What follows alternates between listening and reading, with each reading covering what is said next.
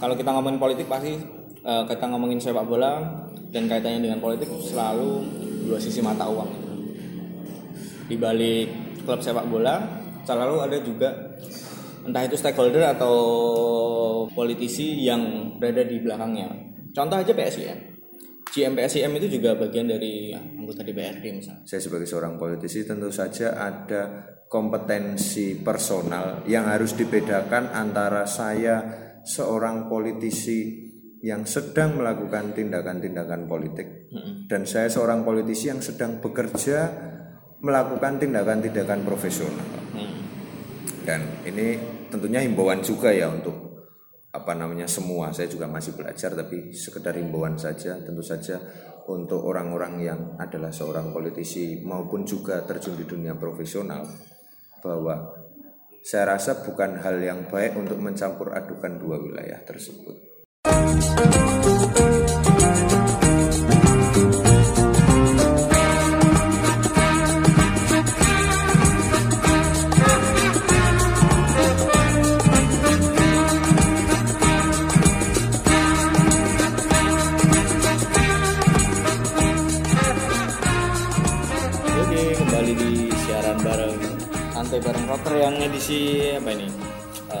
Edisi khusus nih. Jadi santai bareng rocker kali ini kita siaran dadakan tanpa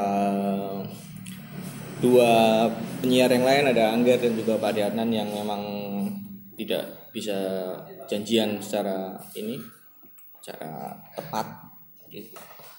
Kali ini kita kedatangan tamu kawan lama dan juga calon anggota legislatif DPR RI ada Pak Garda Maharsi atau Pak Gar nih. Halo Pak Gar, apa kabar? Halo, selamat malam Dimas, teman-teman Pak Askor, semua teman-teman yang ada di sini, semua yang sedang mendengarkan. Selamat malam, sampai jumpa kembali. Iya, ya kalau malam apa ya gini Pak Gar. Ini kan karena podcast jadi bisa diputar di waktu okay. yang sangat santai bisa yeah. malam bisa siang bisa sore hmm. bisa senja nah kalau ngomong-ngomong soal fenomena sekarang ini tuh sebenarnya kalau ngomongin fenomena ke orang yang orang yang bersangkutan tuh agak agak klise sebenarnya tapi mungkin lah boleh lah kasih alasan nyaleknya apa sih Pak? Ya. Aku tahu kamu berangkat dari supporter juga, hmm. dari akademisi juga. Hmm. Ya jadi yang harus dipahami pertama bahwa dunia politik itu sangat erat hubungannya dengan semua sendi kehidupan ya.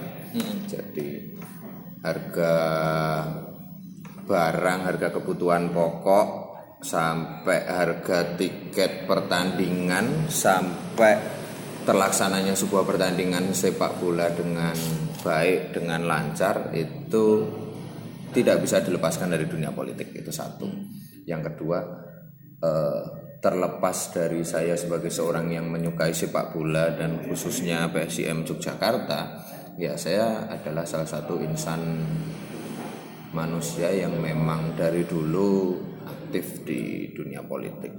Eh, semenjak saya berkuliah, saya sudah aktif di organisasi politik kemahasiswaan yang saya dibesarkan dengan nilai-nilai dan pelajaran berupa advokasi-advokasi permasalahan di masyarakat. Itu. Yang kedua, yang ketiga, terlepas dari saya sebagai seorang penyuka sepak bola dan khususnya pecinta PSM Yogyakarta, ya saya merasa terpanggil. Tentu saja tadi disebutkan ya bahwa itu klise, tapi ini hal yang memang apa adanya saya merasa terpanggil untuk bahwa saya memiliki uh, tanggung jawab moral kepada banyak orang-orang yang saya kenal uh, masyarakat untuk bisa menyalurkan aspirasinya salah satu cara yang kemudian saya pilih adalah saya maju di dalam kontestasi pemilu legislatif untuk DPR RI seperti itu. Hmm. Jadi memang kalau bersamaan dengan apa ya pilihan legislatif ini juga uh, saya cukup ngikutin misalnya di ranah Jogja juga ada beberapa supporter dan juga tokoh bola yang maju dalam percaturan uh, calon legislatif entah itu DPRD atau DPR RI. Tapi terlepas itu juga sebenarnya potensi uh, sepak bola dan politik ini bisa beriringan atau terlepas tuh gimana sih sebenarnya? Apakah? Karena kalau kita ngomongin politik pasti uh, kita ngomongin sepak bola dan kaitannya dengan politik selalu dua sisi mata uang.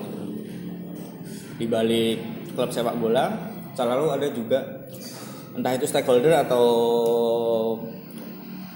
politisi yang berada dalam uh, berada di belakangnya. Contoh aja PSIM GMPSIM itu juga bagian dari anggota DPRD misalnya komisi D ya hmm. itu. Mungkin aku pengen dengar statement tentang bagaimana politik dan sepak bola ini. Lebih lebih terapannya lebih ini akan okay. akan gimana ya jadi pada prinsipnya politik dan sepak bola itu satu apa ya bagian yang memang berjalin berkelindan ya. Hmm jadi dua hal tersebut memang eh, apa namanya berhubungan erat walaupun nanti akan saya sampaikan sedikit ada beberapa ruang-ruang yang menjadi sangat berbeda. Satu, memang kita harus berdamai. Kita berdamai dalam artian kita taruh di pemikiran kita dulu bahwa kita harus berdamai dulu pada fakta. Saya tidak berbicara di apa tidak memulai pembicaraan dari wilayah yang sangat ideal. Hmm. Saya mulai dari fakta dulu secara fakta kita harus berdamai bahwa e, di balik kesuksesan sebuah klub sepak bola itu kita harus berdamai dulu bahwa faktanya memang ada orang-orang yang mengelola klub sepak bola dengan baik tersebut memang faktanya beberapa atau saya bahkan bisa bilang mayoritas setelah saya mengenal banyak orang di lingkaran dunia politik itu memang adalah politisi. Mm kita harus berdamai dulu pada fakta itu satu. Tapi yang kedua, saya mulai masuk di wilayah ideal. Secara ideal memang ada hal-hal yang memang harus dipisahkan antara sepak bola dan politik. Satu, tuduhan saya sangat merasakan sebagai seorang yang beradu di ajang uh, pemilu legislatif sebagai calon legislatif atau caleg. Selalu ada tuduhan bahwa caleg itu berusaha memanfaatkan uh, masyarakat dalam hal ini menjadi konstituen, menjadi pemilihnya melalui ruang-ruang sosial kebudayaan yang ada. Salah satunya sepak bola. Uh, tidak mengurangi rasa hormat, saya bicara belak-belakan apa adanya. Misalnya GM BSIM sekarang adalah anggota DPRD. Menurut saya adalah hal yang sangat wajar. Hal yang sangat wajar. Satu di satu sisi beliau itu adalah seorang politisi tapi di sisi lain adalah orang yang menyukai dan mencintai PSIM Yogyakarta, mencintai sepak bola, kemudian menjadi GM General Manager hmm. dari klub sepak bola. Itu hal yang sangat wajar. Yeah. Yang menjadi berbeda dan selalu menimbulkan intrik adalah selalu tuduhan yang disematkan ke politisi-politisi tersebut adalah menggunakan klub sepak bola untuk mengkapitalisasi suara. Hmm. Jadi itu saya dalam posisi berdiri saya sebagai orang yang adalah juga seorang politisi walaupun saya berusaha seobjektif mungkin itu juga hal yang tidak terlalu baik. Mm Jadi mengkapitalisasi klub bola, klub bola terus kemudian satu klub bola memiliki fanbase yang sudah sangat kuat fanbase tersebut kemudian dikapitalisasi hanya dikonversi menjadi suara saat coblosan yeah. di pemilu hmm. itu menurut saya hal yang sangat tidak baik ya. itu hal yang sangat buruk tapi berbeda halnya dengan situasi seorang politisi kemudian menyampaikan gagasan-gagasannya seputar uh, politik kenegaraan, politik ekonomi, politik kebudayaan yang itu kemudian disetujui kemudian disepakati dan didukung dalam proses elektoral pemilu, dicoblos saat pemilu, include inherent di dalamnya. Ketika mencoblos tersebut juga ada kesadaran bahwa oh harapannya dengan platform politik kenegaraan dari si A ini, si caleg A ini, uh, harapannya dalam lakunya dia akan mengembangkan uh, pemuda akan hmm. mengembangkan olahraga. Menurut saya itu menjadi suatu hal yang biasa. Nah, di titik ideal sikap saya adalah uh, sebagai seorang politisi yang kemudian menyukai sepak bola adalah hal yang tidak haram. Satu. Yang kedua, hal yang menjadi kemudian tidak baik dilakukan adalah kita mengkapitalisasi seakan-akan klub itu kemudian klub maupun fanbase-nya kemudian semata-mata kita eh, apa namanya kita patok hmm. kita ikat ya. semata-mata menjadi bagian dari konstituen kita menurut saya itu tidak sehat hmm. praktis di situ yang dibutuhkan adalah kesadaran bersama memisahkan bahwa saya cinta klub sepak bola saya cinta PSIM teman-teman yang kebetulan uh, menjadi pemilih juga mencintai PSIM menaruh logika sebagai seorang yang mencintai sesama mencintai PSIM dan logika sebagai insan individu politik yang memiliki hak pilih di dalam ya. pemilu. Sikap saya seperti itu. Hmm. Berarti memang model uh, patok mempatok apa ya istilahnya uh, pemilih ini juga juga aku bisa juga merasakan bagaimana setiap caleg ini juga apa ya selain jaga nih hmm. Hmm, calon pemilihnya ya. Hmm. Nah kalau misalnya kita ngomongin eh, sepak bola dewasa ini memang ke depannya yang ingin kamu apa ya, yang kamu ingin kembangin misalnya di entah terpilih atau enggak itu uh, apakah juga ada di ranah uh, ranah olahraga atau mungkin kebudayaan atau lebih lebih lebih ke olahraganya atau enggak sih maksudnya kayak kayak menaruh karena aku juga mungkin posisimu di partai politik juga potensial ke ranah-ranah yang lebih luas di bidang-bidang tertentu gitu loh. Okay. Salah satunya bidang olahraga. Aku pikir. Oke, okay, tentu saja ya. Maksudnya uh, tidak bermaksud untuk berkampanye juga, mm -hmm. tapi menjawab pertanyaan dari teman-teman bawah skor berikut juga mungkin ada beberapa teman-teman yang pengen mengulik, pengen cari tahu. Saya hanya sekedar menjawab bahwa satu, saya sebagai bagian dari generasi muda di partai politik, generasi muda yang memberanikan diri untuk berkecimpung di dunia politik sampai uh, turun di proses pemilu legislatif sebagai seorang caleg saya prinsipnya adalah mewakili generasi muda. Saya bagian dari generasi milenial saya bagian dari generasi muda. Tentu saja saya akan membawa aspirasinya generasi muda dong. Nah, sebagai gambaran saya sebagai mewakili aspirasinya generasi muda saya tentu saja ke depan pasti akan mengedepankan eh, ide-ide uh, yang adalah hasil dari aspirasi para generasi muda. Saya sih jika memang diberi kesempatan untuk bisa berkecimpung di dalam proses legislasi menjadi anggota DPR, saya sih merencanakan untuk uh, menggulirkan atau mengusulkan adanya RUU perlindungan terhadap atlet. Hmm. Jadi atlet-atlet berprestasi include di dalamnya tentunya atlet sepak bola walaupun saya tidak spesifik berbicara yeah. atlet sepak bola ya atlet yang berprestasi sudah melakukan sumbangsih bagi bangsa dan negara, membawa harum bangsa dan negara, itu tentu saja akan saya usulkan untuk mendapatkan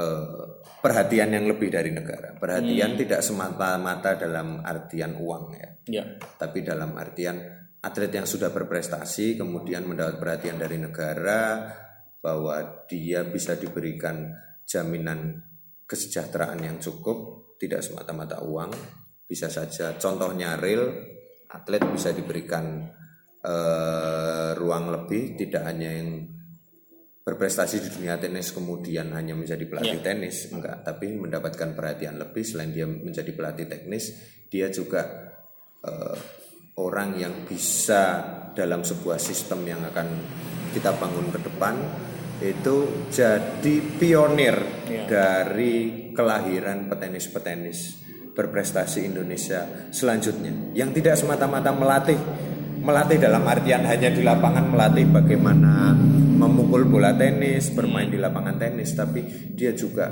menjadi orang sosok penting di balik kelahiran petenis-petenis berbakat hmm. Indonesia berikutnya. Dia bisa menjadi orang yang memberi semangat secara psikologis bagi calon-calon atlet berprestasi. Dia bisa memberikan pengalaman dalam coaching yang akan kita bikinkan sebuah sistem secara hmm. nasional. Dia coaching klinik tentang bagaimana mengelola kehidupan keuangan seorang atlet yang tentu saja berbeda dengan kehidupan keuangannya seorang PNS mohon yeah, maaf. Yeah. Nah hal-hal seperti itu itu adalah wujud apresiasi negara terhadap satu RUU terhadap pelindungan atlet yang hmm. yang kedua mungkin sedikit akan nyambung ke sepak bola adalah bahwa sepak bola itu menjadi sangat erat dengan suatu masyarakat. Di satu sisi klub sepak bola itu selalu ada supporter yang itu masyarakat berduyun-duyun dengan penuh kesadaran. Penuh kesadaran loh supporter itu sadar sendiri bayar tiket sendiri datang ke stadion itu tidak dikapitalisasi semata-mata urusan politik bagi saya sebagai politisi ya. tapi kalau memang bisa bayangkan jika proses di dalam lagu kenegaraan, para supporter bisa terlibat aktif di dalam upaya-upaya pengawasan terhadap tingkat kekerasan anak yang terjadi. Hmm. Jadi bisa bayangkan misalnya kelompok supporter tanpa perlu saya sebut namanya hmm. itu bisa aktif bekerja sama dengan uh, instrumen-instrumen negara Komnas. selain untuk mengkampanyekan juga sebagai monef monitoring dan evaluasi terhadap angka tinggi atau rendahnya suatu kekerasan terhadap anak. Hmm. Angka tinggi atau rendahnya terhadap bullying. Hmm. Angka tinggi rendahnya terhadap cyberbullying. Yang itu supporter sepak bola dilibatkan terhadap proses monitoring dan evaluasi. Menurut saya sesuatu hal yang sangat menarik dan ini hmm. adalah politik milenial. Hmm. Gitu. Supporter sepak bola dia dibebankan tugas untuk memonitoring dan mengevaluasi tingkat bullying yang terjadi di wilayahnya, otomatis dia harus mengevaluasi tingkat bullying, dia tidak boleh melakukan bullying dong. Ya. Nah, ini satu politik milenial yang juga mengedepankan adanya politik kesadaran gitu. Jadi ada pembangunan kesadaran, pembangunan sumber daya manusia yang menurut saya sangat menarik. Nah, itu beberapa platform saja sih yang kemudian jika memang saya diberi kesempatan untuk berkecimpung lebih di dunia politik khususnya di proses legislasi di DPR, hmm. ya itu yang aspirasi-aspirasi yang akan saya bawa. Hmm. Jadi memang poin tentang uh, masa depan atlet. Kalau kita bicara atlet kan nggak melulu juga atlet dalam skala nasional ya. Yang di daerah-daerah juga yang uh, karena juga tingkat pelatihan platnas dan di bawahnya ada platda itu juga potensinya memang memang kalau yang di daerah juga misalnya tentang asuransi asuransi Eh, pemain-pemain yang enggak semuanya di cover cedera segala macam. Hmm. Misal contoh pemain bola ya. Hmm. Ini si pemain A kena ACL, jadi hmm. klub nggak nggak bisa nggak mengcovernya itu dalam kontrak itu loh. Nah ke depannya memang mengantisipasi kejadian-kejadian semacam ini juga aku pikir. Atau ini harus di ranah asosiasi atau gimana? Jadi apakah individu-individu yang juga atlet atau kita ngomong pemain bola misalnya itu tuh uh, dalam rancangan RUU ini akan dia ke arahnya si insan ini harus ada di payung hukum yang mana gitu. Hmm. Ya. Kalau skema itu akan gimana berarti?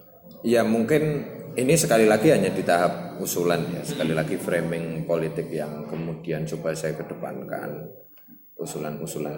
Ini kan saya anggap sebagai aspirasi. Ya. Salah satu contoh atlet walaupun tidak sampai tingkat nasional tingkat daerah sudah berprestasi mengharumkan nama daerah tapi kemudian karena sesuatu hal tidak bisa melanjutkan karirnya sebagai atlet padahal dia sudah berprestasi yang hal yang paling dipikirkan pertama negara harus hadir adalah bahwa dia harus memberikan jaminan kesejahteraan kesejahteraan dalam artian ke sini bukan bukan kekayaan bukan uang ya, dalam artian. Tapi wujud perhatian negara bisa diwujudkan misalnya. Negara punya banyak sekali instrumen.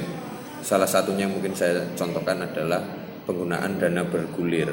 Hmm. jadi justru dengan uh, melek politik yang baik ya tentu saja literasi politik menghasilkan melek politik yang baik itu bisa tanda kutip ya bahasa saya dimanfaatkan untuk hal-hal seperti ini. Jadi contohnya misalnya atlet, kemudian dia melek politik. Negara bisa hadir, salah satu tadi yang saya contohkan dengan penggunaan dana bergulir. Atlet yang memang tidak bisa melanjutkan karirnya sebagai atlet profesional, tapi kemudian dia bisa memiliki mengawali usaha di dalam sektor usaha informal misalnya dia melakukan usaha dagang apa atau dia bikin sektor produksi apa tentu saja harapan saya sebagai orang yang juga menyukai pemuda dan mencintai sepak bola itu tentu saja akan kita fasilitasi lewat program penggunaan dana bergulir sehingga akses terhadap modal produksi itu bisa ada. Nah, jadi bisa dibayangkan ada koperasi mantan atlet klub A hmm. yang kemudian berusaha bergerak pada bidang produksi X. Hmm. Nah, harapannya yang bergerak di bidang produksi X kumpulan orang lewat koperasi atau CV, misalnya ada tiga orang atau lebih, kemudian bisa mengakses dana bergulir, kemudian bisa dikapitalisasi modal pinjaman tersebut untuk membesarkan usahanya. Hmm. Bayangkan lagi kemudian usahanya sektor X tersebut konsumen utamanya adalah orang-orang yang mencintai sepak bola supporternya. Hmm, iya. Ketika kapitalisasi modalnya itu sudah sedemikian besar, usaha X tersebut yang terdiri dari tiga orang mantan pemain klub A itu bisa jadi sponsornya klub A tersebut. Hmm tentu saja ini sebuah perputaran ekonomi realnya perputaran ekonomi yeah. ya. tapi include inherent di dalamnya itu adalah adanya pride adanya kebanggaan terhadap sebuah identitas yang diwujudkan dalam laku hidup ekonomi yang jelas karena apa dibimbing platform yang jelas gitu catatannya itu tadi loh iya. melek politik dan bukan semata-mata politik kita kita kecilkan maknanya kita distorsi jadi urusan nyoblos mencoblos enggak. Hmm. Urusan politik itu adalah urusan kita mau percaya kita mau ikut sama platform politik yang mana. Ya. salah satu contohnya seperti itu. Ya memang ke depannya uh, misalnya di di,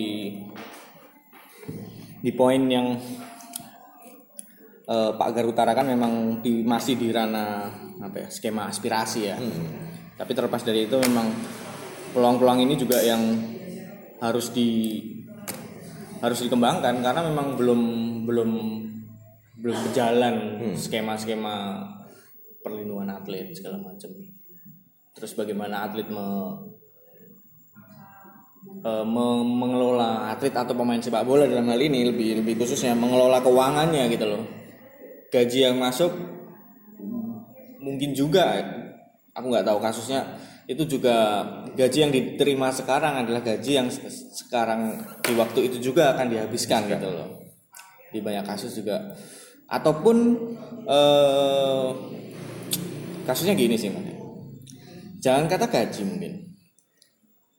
Eh, uang yang uang yang akan diterima itu juga juga belum belum diterima maksudnya gaji yang macet itu juga jadi jadi perkara bagaimana eh, akses apa ya akses klub mengelola keuangannya dan juga bagaimana sponsor masuk juga sih aku hmm. pikir kalau kita ngobrolin tentang tautannya dengan uh, skema kooperasi terus akhirnya dia akan men mensupport tim itu juga skema di mana klub A ini juga men apa ya membuka peluang bagi sponsor-sponsor yang akan lahir gitu loh dan berasal dari dari lingkungannya sendiri Oh, menarik juga nih obrolan. Ya, tadi saya saya masuk sedikit ya hmm. untuk persoalan itu. Jadi di saya sebagai seorang polit, politisi ya, saya real sampaikan. Saya sebagai seorang politisi tentu saja ada kompetensi personal yang harus dibedakan antara saya seorang politisi yang sedang melakukan tindakan-tindakan politik hmm. dan saya seorang politisi yang sedang bekerja melakukan tindakan-tindakan profesional. Hmm.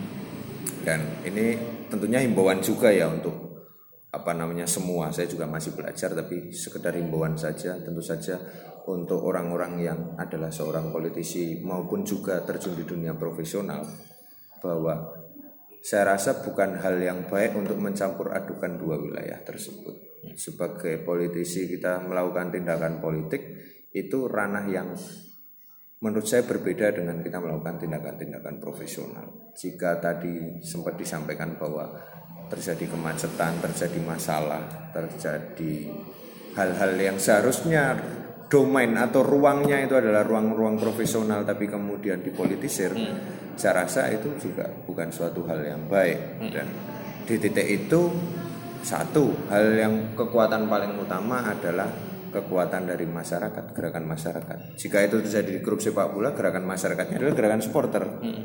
Nah, persis di situ proses check and balances terhadap berjalannya politik itu menjadi sangat penting. Konstituen dalam hal ini masyarakat penting untuk bergerak, menyampaikan aspirasi, kemudian menjadi kelompok penekan pressure group untuk memberikan tekanan-tekanan terhadap politisi-politisi yang kemudian diberikan amanah. Hmm. Nah, catatan pentingnya di situ. Jadi dua hal yang berbeda, dua yeah. hal yang berbeda teman-teman semua. Saya sampaikan, politisi itu ada ruang dia melakukan tindakan politik dan ada ruang dia melakukan tindakan profesional. Jadi dalam dunia kerja dia bertindak secara profesional, dia harus bertindak secara profesional. Tapi jika dia bertindak dalam kerangka dia melakukan tindakan politik, ya hal yang hal yang lumrah terjadi. Tapi kalau dua itu dicampur adukan tentu saja jadi presiden yang buruk ya, pastinya. Ya. Maka framing dalam hal ini memang butuh frame logika yang sendiri-sendiri gitu ya. Hmm. Memang harus punya punya ranahnya sendiri-sendiri. Jadi ketika membaca membaca si individu melakukan tindakan politik dan juga tindakan profesional memang harus di ditelaah dulu gitu Oh nampaknya waktu juga yang memisahkan kita nih Pak Gar. Ya. Terima kasih sekali waktu dan kesempatannya ini. Sama-sama teman-teman bawa skor, pokoknya semangat, lanjut terus memberikan tambahan-tambahan ilmu, memberikan semangat, pelecut semangat buat teman-teman. Saya termasuk salah satu orang yang beruntung dekat sama teman-teman bawa skor sebuah kebanggaan ya. tapi itu nggak ada artinya kalau seluruh para pandemen PSIM juga tidak mendapatkan semangat tersebut jauh yang lebih penting ya. adalah teman-teman semua bisa tersetrum oleh semangat yang ada dari teman-teman bawa skor dan teman-teman yang berjuang di berbagai jalan untuk kejayaan PSIM Yogyakarta. Oke, terima kasih Pak Gar atas waktunya. Uh, sekian episode santai bareng rocker yang dadakan ini. Kita jumpa lagi di edisi-edisi selanjutnya dan sampai jumpa.